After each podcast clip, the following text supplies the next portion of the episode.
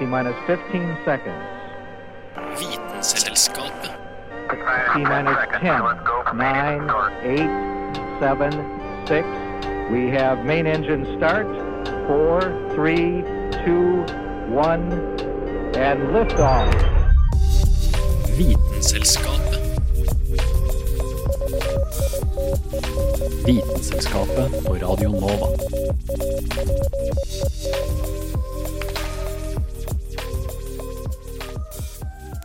Hei og hjertelig velkommen til Vitenselskapet på Radio Nova.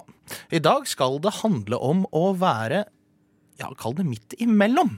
Som jeg da føler meg som skinka i dagens sandwich med to brød på hver, hver min side.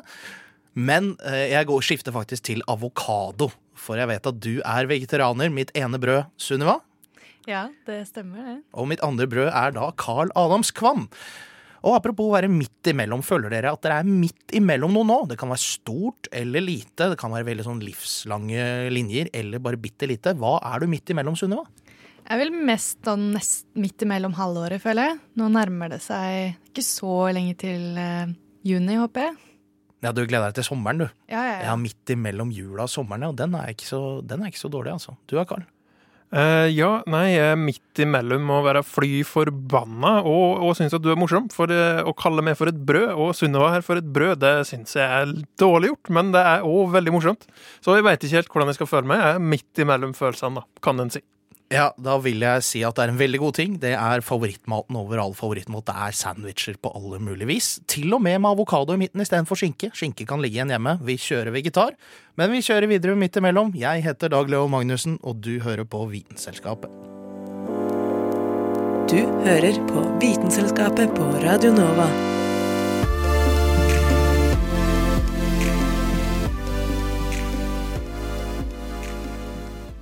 Men bare heng med meg her et øyeblikk, folkens, for hvis du vil, så kan du dele inn livet til en kvinne etter fruktbarheten deres. Ja, jeg ser dere stirrer ganske store øyne på meg nå, men altså, bare hør, hør nå. Barndommen, puberteten, den fertile perioden og overgangsalderen. Når en jentebaby blir født, så har den allerede rundt to millioner eggceller inni eggstokkene sine. I motsetning til gutter, som kan produsere sædceller omtrent hele livet, så har bare jenter dette man blir født med, som man kan bruke til å lage et nytt barn med. I puberteten så begynner noen av disse eggene å vokse og modnes, mens andre tilbakedannes. Det skilles ut hormoner fra hjernen som påvirker eggstokkene til å slippe ut et egg. Eggstokkene selv skiller ut andre hormoner, sånn som østrogen og progesteron. Livmorslimhinnene blir tykke og rik på næring, sånn at en kan ta imot et befruktet egg. Men de fleste gangene så vil jo ikke det være noe befruktet egg, så slimhinnene i livmoren brytes ned, og man får mensen. Og dette skjer hver måned. Det skilles ut hormoner fra hjernen som påvirker eggstokkene til å få eggene selv. Skiller ut andre hormoner, sånn som østrogen og progesteron. Egget vil mest sannsynlig aldri bli befruktet, så det går ut sammen med livmorslimhinnene som brytes ned. Man blir jo nesten aldri gravid, så disse slimhinnene brytes ned, og man får mensen. Men så stopper det opp. Eggstokkenes funksjon har opphørt, og du vil ikke lenger få eggløsning, og heller ikke mensen. Du har kommet i overgangsalderen. Det var det, liksom. Det her var din eneste mulighet til å spre dine gener videre.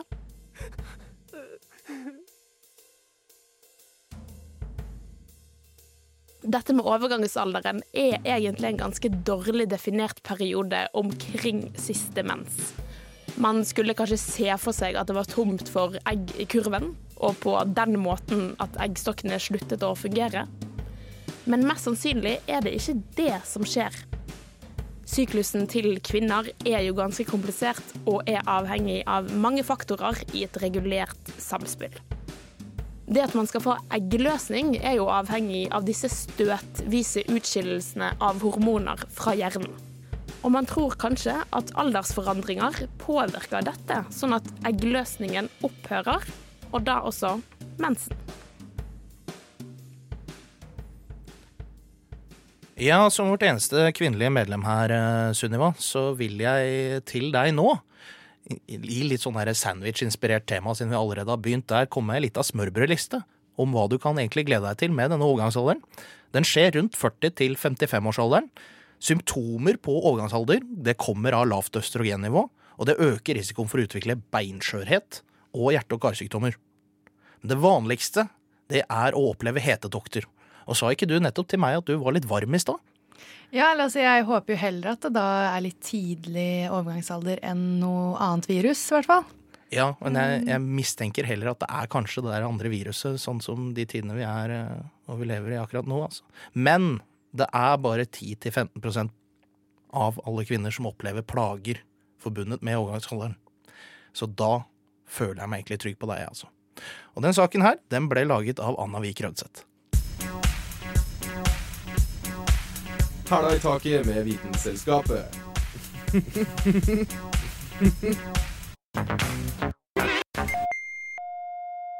Ja, du kan jo egentlig kalle overgangsalderen å være en storm, Å brave en storm.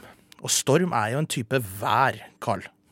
Ja, det er få ting som er triveligere å prate om enn været, ikke sant, folkens? Ja, det gjør jeg på alle slektsstevner som fins. Det er hyggelig. Det fins ikke noe mer allmennmenneskelig. Nei, så det er jo akkurat eh, det jeg vil prate om, da. Fordi jeg er så interessant og unik en person. Eh, været, ja. Eh, fordi i de to endene av nedbørspekteret så har oss jo da skjugg. Eh, snø, for dere som ikke vet hva det betyr. Og regn. Men imellom de to typene nedbør så fins det jo mer òg. Og da kan dere jo kanskje tenke dere til at jeg vil nevne sludd, først og fremst. Er ikke sludd og sjugg det samme? Eh, Sludd og sjugg er ikke det samme, nei. Eh, sjugg er da snø, som du kjenner det. Sånne små, søte krystaller som er veldig fine å tegne og se på, og som er, fortsatt er ganske fast form når de treffer jakka di ute om vinteren. Mens sludd, derimot, da har det vært sjugg der oppe i skyene. Og så kommer det ned i litt varm luft, som gjør at det begynner å smelte. Men så treffer det på mer kald luft, som gjør at det blir ei blanding av både skjugg og regn. Og da blir det altså eh, ganske kjipt eh, å gå ut i det. Ikke bare er det bløft, men det er òg fryktelig kaldt. Eh, men en enda verre type mellomting er underkjørt regn. Har dere hørt om eh, underkjørt regn før, folkens? Ja, på E6 mellom Trondheim og Oslo har tre biler kjørt av veien pga. på grunn av underkjølt regn. Ta det veldig forsiktig om du skal reise denne strekningen i dag. Ja, helt, eh, helt riktig, Dag. Det er en ting å være veldig obs for i værmeldinga. Eh, Det er i grunn akkurat det samme som skjer ved underkjørt regn som ved sludd. Det er kald luft i toppen eh, ved skyene, sånn at det er skjugg. Og så smelter det når det treffer varm luft, eh, gjerne av en varmluftsfront. Men så er det et eh, mindre lag med kald luft, sånn at det ikke rekker å fryse til og bli til sludd, men at det heller blir veldig, veldig kaldt regn. Og det som er med det regnet, da, er at det er kaldt nok til at med en gang det treffer bakken, eller et tre eller ei strømlinje, så blir det til is. Og det er skumle, skumle greier. Fordi det som er da, er at med en gang det treffer noe som helst, så legger det seg jevnt utover i et eh, perfekt forma lag med is. Det er veldig fint å se på. Dere har sikkert sett det på trærne, f.eks. At det er bare is som ligger som et pent lag utapå. Men det byr jo på ganske store problem. For det første så er det problematisk med strømmen.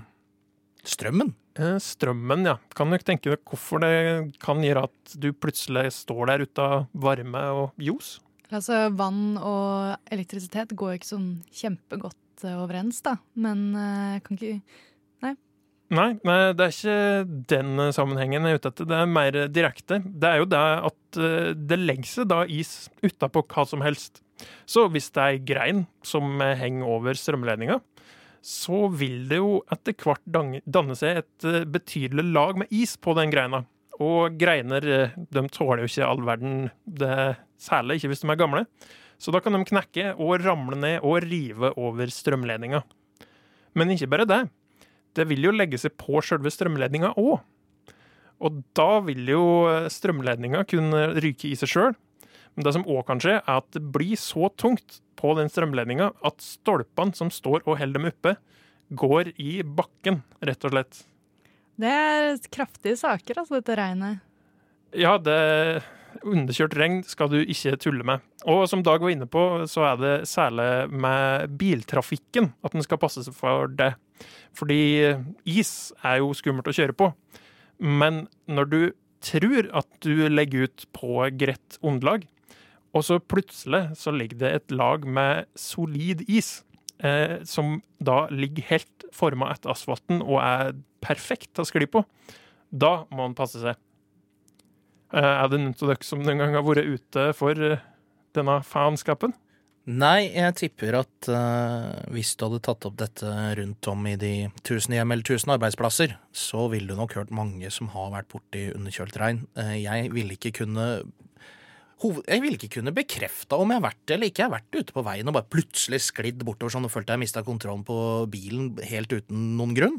Men er det underkjølt regn? Det veit jeg ikke. Nei, men derfor er det veldig viktig å høre på værmeldinga, altså. Eh, en annen ting det byr på problem for, er luftfart. Det er da at eh, når du er i et fly eller et helikopter, så kan du jo tenke deg at det er et problem hvis det plutselig blir ising på eh, vinge eller rotor. Men det er ikke det at det blir for tungt i seg sjøl nødvendigvis som er problemet. Men akkurat å helle seg oppe i lufta, det er jo en eh, kunstform og en ingeniør... eh, ingeniørgenistrek som jeg ikke kunne bedt meg ut på. Men akkurat det med å ha lift og drag, det er veldig nøyaktige greier. Så når det da kommer et eh, betydelig lag med is utapå, så er det definitivt skummelt. Og eh, det har vært ulykker der det har krasja fly pga. underkjørt regn. Ja, det var dagens eh, oppdatering fra både Trafikktilsynet, Luftfartstilsynet, Elektrotilsynet og staten, Statens eh, kraftverk, nær sagt. Tusen takk, Carl. Bare hyggelig. Vitenselskapet. Vitenselskap. Vitenselskapet. Vitenselskapet. Vitenselskapet. Men da skal vi faktisk sette over til vår reporter Kristin Grylland, vi, som befinner seg på et litt spesielt sted. Kan du høre meg, Kristin? Jeg hører deg, vet du, og det stemmer at jeg er på et sted som kanskje ikke så mange tenker på sånn til vanlig. I sendinga i dag så snakker dere jo om en del ting som er litt sånn midt imellom. Men jeg har faktisk gått rett til selveste midten, nemlig Oslos geografiske midtpunkt. Jeg står med andre ord midt i det man vel kan kalle Oslo sentrum, men her er det veldig få biler, en god del flere trær. I motsetning til det man kanskje skulle tro, er nemlig Oslos midtpunkt ikke i selve byen, men ute i skauen. Oslo har jo overraskende mye skog og mark rundt, og det spiller jo selvsagt inn. Men hvordan har man egentlig funnet ut at det er akkurat her Oslos midtpunkt er? Før jeg svarer på det, tenkte jeg at jeg kunne beskrive litt mer nøyaktig hvor jeg står. Midtpunktet er nemlig ved Nedre Blanksjø i Nordmarka. Kanskje ikke sånn veldig kjent for alle, men eh, det er altså ikke så langt unna Sognsvann, som jeg tipper litt flere har hørt om.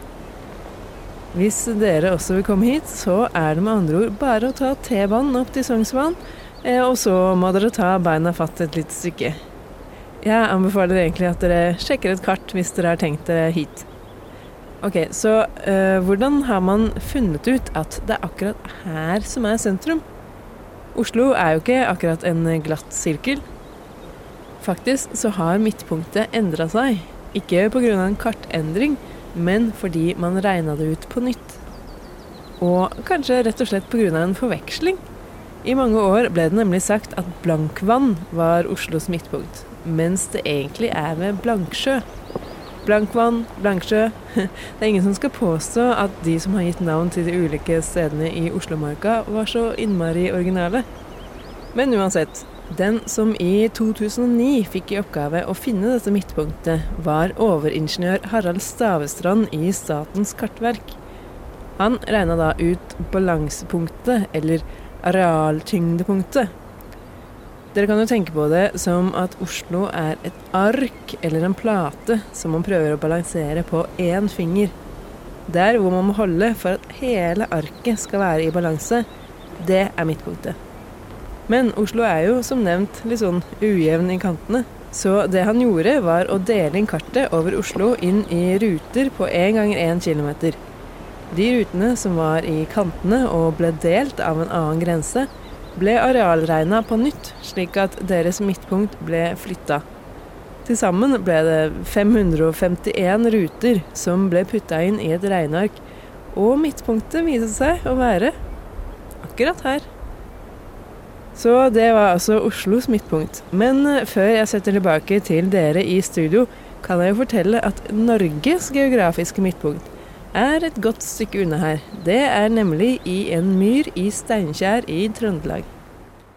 Tusen takk til deg, reporter Kristin Grydland. Jeg fikk jo fra deg, altså Kristin prater jeg til nå, da, jeg fikk jo et spørsmål som jeg skulle ta med dere når eh, saken var over.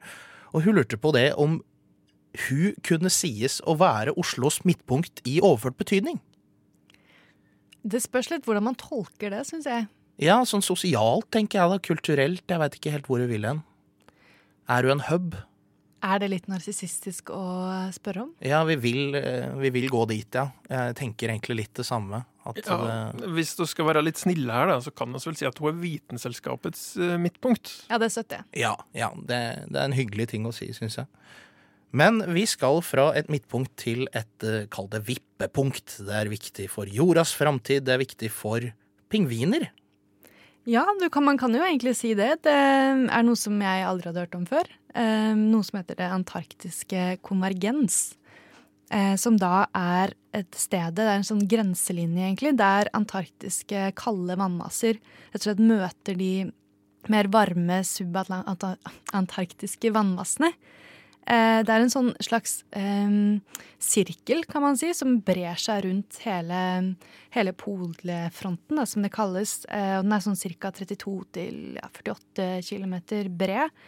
Eh, og dette kalles da Den går rundt polarfronten, eh, som da er den ringen rundt poltoppen. Eh, og polarfronten er da den grensen da, som går mellom den kalde Egentlig så er det både vann og luft, egentlig. For det er det både den da kalde lufta fra sør blander seg da med den varme, varmere lufta fra eh, subtropiske områder, da, fra, fra ja, litt nordover. Eh, og det er så stor temperaturforskjell at det kommer veldig, veldig mye energi ut av dette her, som da fører til annet lavtrykk og veldig mye vind. Da, Ja, vi er tilbake på vær nå, altså. ja, ja, bare for hør å trekke været inn litt, så det blir mye fuktig um, luft, da. Og det som det hører da sammen med dette Det er jo det som Det henger egentlig helt sammen, da. Det er det samme som egentlig fungerer under eh, ja, under havet, inne i- blant strømmene der, hvor det er kaldt overflatevann fra Sørøyshavet. Og jeg syns det er ganske interessant, dette Sørøyshavet, egentlig, for det er ja, jeg visste ikke det, men det er eh, verdens nest minste verdenshav. Det er faktisk et av verdenshavene. Eh, sånn, det minste er Nordishavet, da. Så det er da Atlanterhavet, eh, Atlanterhavet, hvor blir det? Stillehavet, Indiahav, Indiske hav og da disse to småhavene, da. Eh, som går der fra kysten av det antarktiske kontinentet og nord over i Atlanterhavet. Som er faktisk delvis frosset av året. I løpet av året. Sånn cirka, Den blir faktisk tre meter tykk noen steder. I hvert fall foreløpig. da, Jeg vet ikke helt hva som skjer nå framover. Det går ikke sånn superbra. Ehm, og det som skjer da, er at da synker det litt sånn varmere, lettere vannet fra de sørlige delene av Stillehavet. Det synker liksom ned, slik at da det blandes, så blir det veldig sånn store strømmer. Og det er veldig, veldig viktig og veldig positivt egentlig at det her skjer, da, i tillegg. Fordi at det er veldig sånn veldig sånn frukt, fruktig eller veldig bra område for dyr, da, å leve i marine dyr. Ja, det mente jeg har hørt, så det tenkte jeg å spørre om. Om ikke dette var sånt sted hvor det faktisk blir fryktelig mye dyreliv og Ja, det er en skikkelig hub altså, Ja. for eh, dyr, rett og slett, på, i dette området. Så det er jo da spesielt krill. Så hvis dere lurte på eh, når dere banker banke på døra og skal selge krill, krillolje, hvor det kommer fra, så er det veldig mye som kommer derfra. Ja, jeg tviler på at den gjengen der har vært nede og henta det, men eh, Ja. Det er der de, der de får produktet sitt fra, ja. Ja, så det er egentlig ganske interessant, um, syns jeg, rundt der. For jeg visste ikke det blant annet hvor mange dyr egentlig der som lever. Jeg trodde, jeg trodde veldig lenge at det var ganske, ganske godt uh, område der nede i Arktis, jeg. Uh, altså Antarktis, da. Hva som lever der og sånn. Men det er egentlig På isen så er det nesten ingenting Nesten ingen dyr som lever der, men det er veldig mye sånn Spesielt dette området her som jeg snakket om, da. Hvor det er blant annet sel og veldig mye hvaler og slike ting som da lever i et område. Så dette er jo egentlig en veldig bare positiv ting, dette med den antarktiske konvergensen. Og det er jo faktisk det samme oppe mot Barentshavet. Så fungerer det på helt samme måte, så det er på begge polene, da.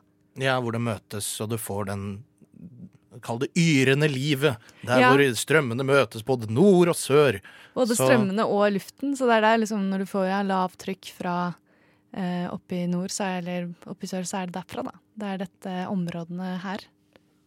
Ja, så vil du da kunne spekulere i hvordan det skal gå med dette nå som vi driver og roter til eh, all annen balanse. Vil denne balansen også forrykke seg? Men det er jo det som er litt spennende å se, da, i og med at nå som så utrolig mye av isen driver og smelter, eh, så blir det litt spennende å se, syns jeg, da Eller det er ikke noe spennende å se, det blir veldig skummelt å se hva som kommer til å skje da når det kommer mye, mye mer kaldt vann, som da skal blande seg med dette varme, relativt varme. Da. Du kan ikke akkurat si at det er supervarmt. Um, men dette er jo noe som sprer seg nedover, og det, sånn, det blir jo mange, mange tusen meter dypt. Uh, så jeg vet ikke hva som skjer da når det blir større og større andel I og med at det varmevannet det flyter jo opp, i og med at varme, varme går opp og kaldt går ned, på en måte. Så hvordan det kommer til å bli da, er jo ganske ja, ikke så spennende, men trist, da. Nesten. Feit. Man blir feit av sukkerbrus. Og velkommen til Vitenselskapet. So, thank you, plants. Og ser at det bare kryr av sånne melinsekter. Utgave av Vitenselskapet på Radio Nova. Wow. Oi. 450 million år gammelt dyr. Men dette er seriøs forskning, folkens. Og du hører på Vitenselskapet. Episode av Vitenselskapet. Til Vitenselskapet. Ja, der var det jo god stemning. Hvem, har, eh, hvem var det vi hørte her, mon tro? Nei da. Men vi prata nettopp om, litt om det å være under vann og det yrende livet i to eh, strømmer som møtes. En annen ting som begynte faktisk under vann, det er jo livet itself.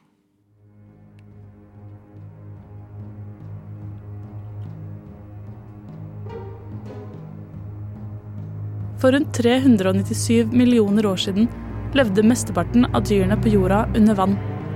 Bortsett fra noen få tusenbein var det fiskene som styrte verden. Dette var helt til tetrapodene kom. Disse firbente virveldyrene krøp sakte opp mot land, der de endelig kunne puste frisk luft.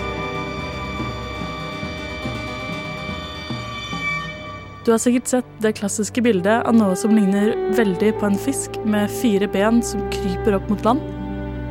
Det var den første tetrapoden, Tiktaalik. Tiktalikken er teknisk sett en fisk med gjeller og fiskeskjell, men den har også et krokodillelignende hode og finner med sterke ben som gjorde det mulig for den å krype rundt på land. Det er nettopp dette som gjør at tiktaliken er så spesiell. Den har både egenskapene til landlevende og vannlevende dyr, og blir derfor sett på som den savnede linken vi har som kutter dem sammen. Det første intakte skjelettet ble funnet i 2004 på Ellesmerøya i Canada, derav navnet tiktalik, som betyr stor ferskvannsfisk på inuktititt.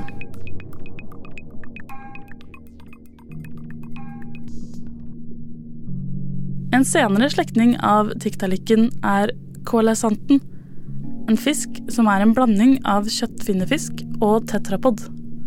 Denne fisken levde for rundt 360 millioner år siden, og man trodde lenge at den hadde dødd ut for rundt 66 millioner år siden.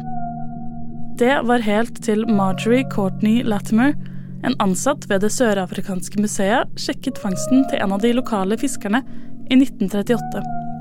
Der fant hun et ferskt og intakt eksemplar av fisken, som bare kunne være bevis på at den fortsatt levde. I dag blir den sett på som en levende fossil, siden den så vidt har endret seg de siste 400 millioner årene.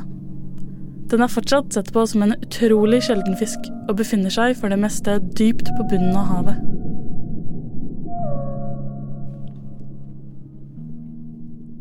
Altså Når du fortsatt driver og oppdager arter som du trodde var utdødd, så begynner du å lure på hva som er det neste. Har du liksom en dodo liggende hjemme du nå, Karl? Ja, den, eh, den kosta meg dyrt, så den må jeg ikke prate for høyt om. Ja, men Denne saken den ble laget av eh, Julianne Li Fjell. Vi eh, hopper som haren høyt opp i lufta, bare rett videre, vi, fordi vi har vært inne på, kall det, litt dypereliggende vitenskapelige saker i dag. Men nå skal vi rett og slett over til en infomercial. For ønsker du deg bil og båt, men har kun råd til én av delene, det er ikke noe problem. Hør her. Ordet amfibios er gresk og betyr liv på begge sider. Som blir brukt om dyr som får det beste av to verdener, på vann og på land. Men amfibie kan også være en bil. Utseendet til en amfibiebil er veldig sprikende. Noen ser ut som en helt vanlig bil på vann, med luftpute som den flyter på. da. Noen er ATV på land og vannskuter på vann, men poenget er i alle fall at de skal kunne brukes likt på vann og på land. De har eksistert i varierende versjoner i trolig flere hundre år, faktisk. Og det ble laga en versjon av tyskerne under andre verdenskrig som ble kalt Desip. Men den ble både for tung og for treg. Fordi at det som amfibiebilene ofte har til felles, er at de enten er raske på land og treg i vannet, eller motsatt. Altså en båt på land og en bil på vann. Uten de egenskapene som gjør den på en måte fullstendig til en amfibie, sånn at den kan fungere like bra på begge plassene. Men det finnes faktisk en som er ganske nært 100% amfibisk, nemlig Watercar Panther, som er verdens raskeste amfibiebil. Det er en ombygd jeep som er laga med lettere materialer enn en vanlig jeep. Den har et glassfiberskrog i bunnen og en Honda 3,7 liter V6-motor og en jetbåtpropell og hjul som trekker seg inn. Den klarer da å ha 70 km i timen på vann og 127 km i timen på land. I overgangen fra land til vann så kan den ha en fart på 24 km i timen. Men det som er at den kan ikke ha for mye høyde fra land til vann, ca. 15 cm, så den bør kjøres fra stranda. Og sjåføren må trekke i en del spaker for å få dekka den opp fra vann og gjøre den klar til seiling. Men hele seansen tar ca. 15 sekunder. Men dette er jo snakk om en veldig komplisert vannbil som koster en del penger. Men hvis du er interessert i en vannbil som kanskje da fungerer best på land, men også fungerer på vann, eller motsatt, så har jeg gjort et par søk for deg. Og hvis du søker på Finn etter amfibiske biler, så kan du finne noen. Så hvis du er en student som vil ha i pose og sekk, så er det et lite tips fra meg.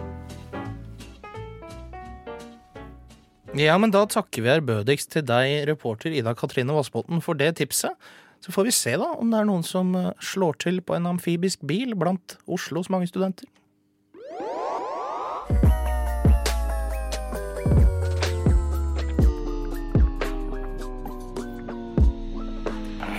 Vitenselskapet.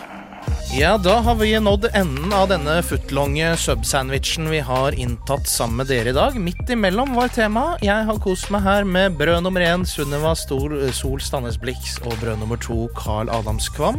Hør oss gjerne på podkast på Spotify eller Soundcloud eller hvilken som helst app. Vi er også finne på radionova.no, på DAB klokken ti på tirsdager og ellers rundt om i Oslo, Akershus, Viken fylke. Du liker ikke Viken du, nei, Carl? Nei. Leve Oppland, sier jeg. Leve Oppland. Sunniva, har ikke du nettopp blitt innbygger i Viken? Ja, det sies, da. Ja, du har ingen formeninger om Viken? Nei, Nå har jeg på en måte bare avskrevet meg hele Viken. Ja. Jeg bor i Oslo nå, jeg. Så vær så god, dette var en halvtime vitenskap avsluttet med 20 sekunder om Viken fylkeskommune. Neste gang handler det ikke om Viken, men om noe annet. Takk for nå. Ha det bra.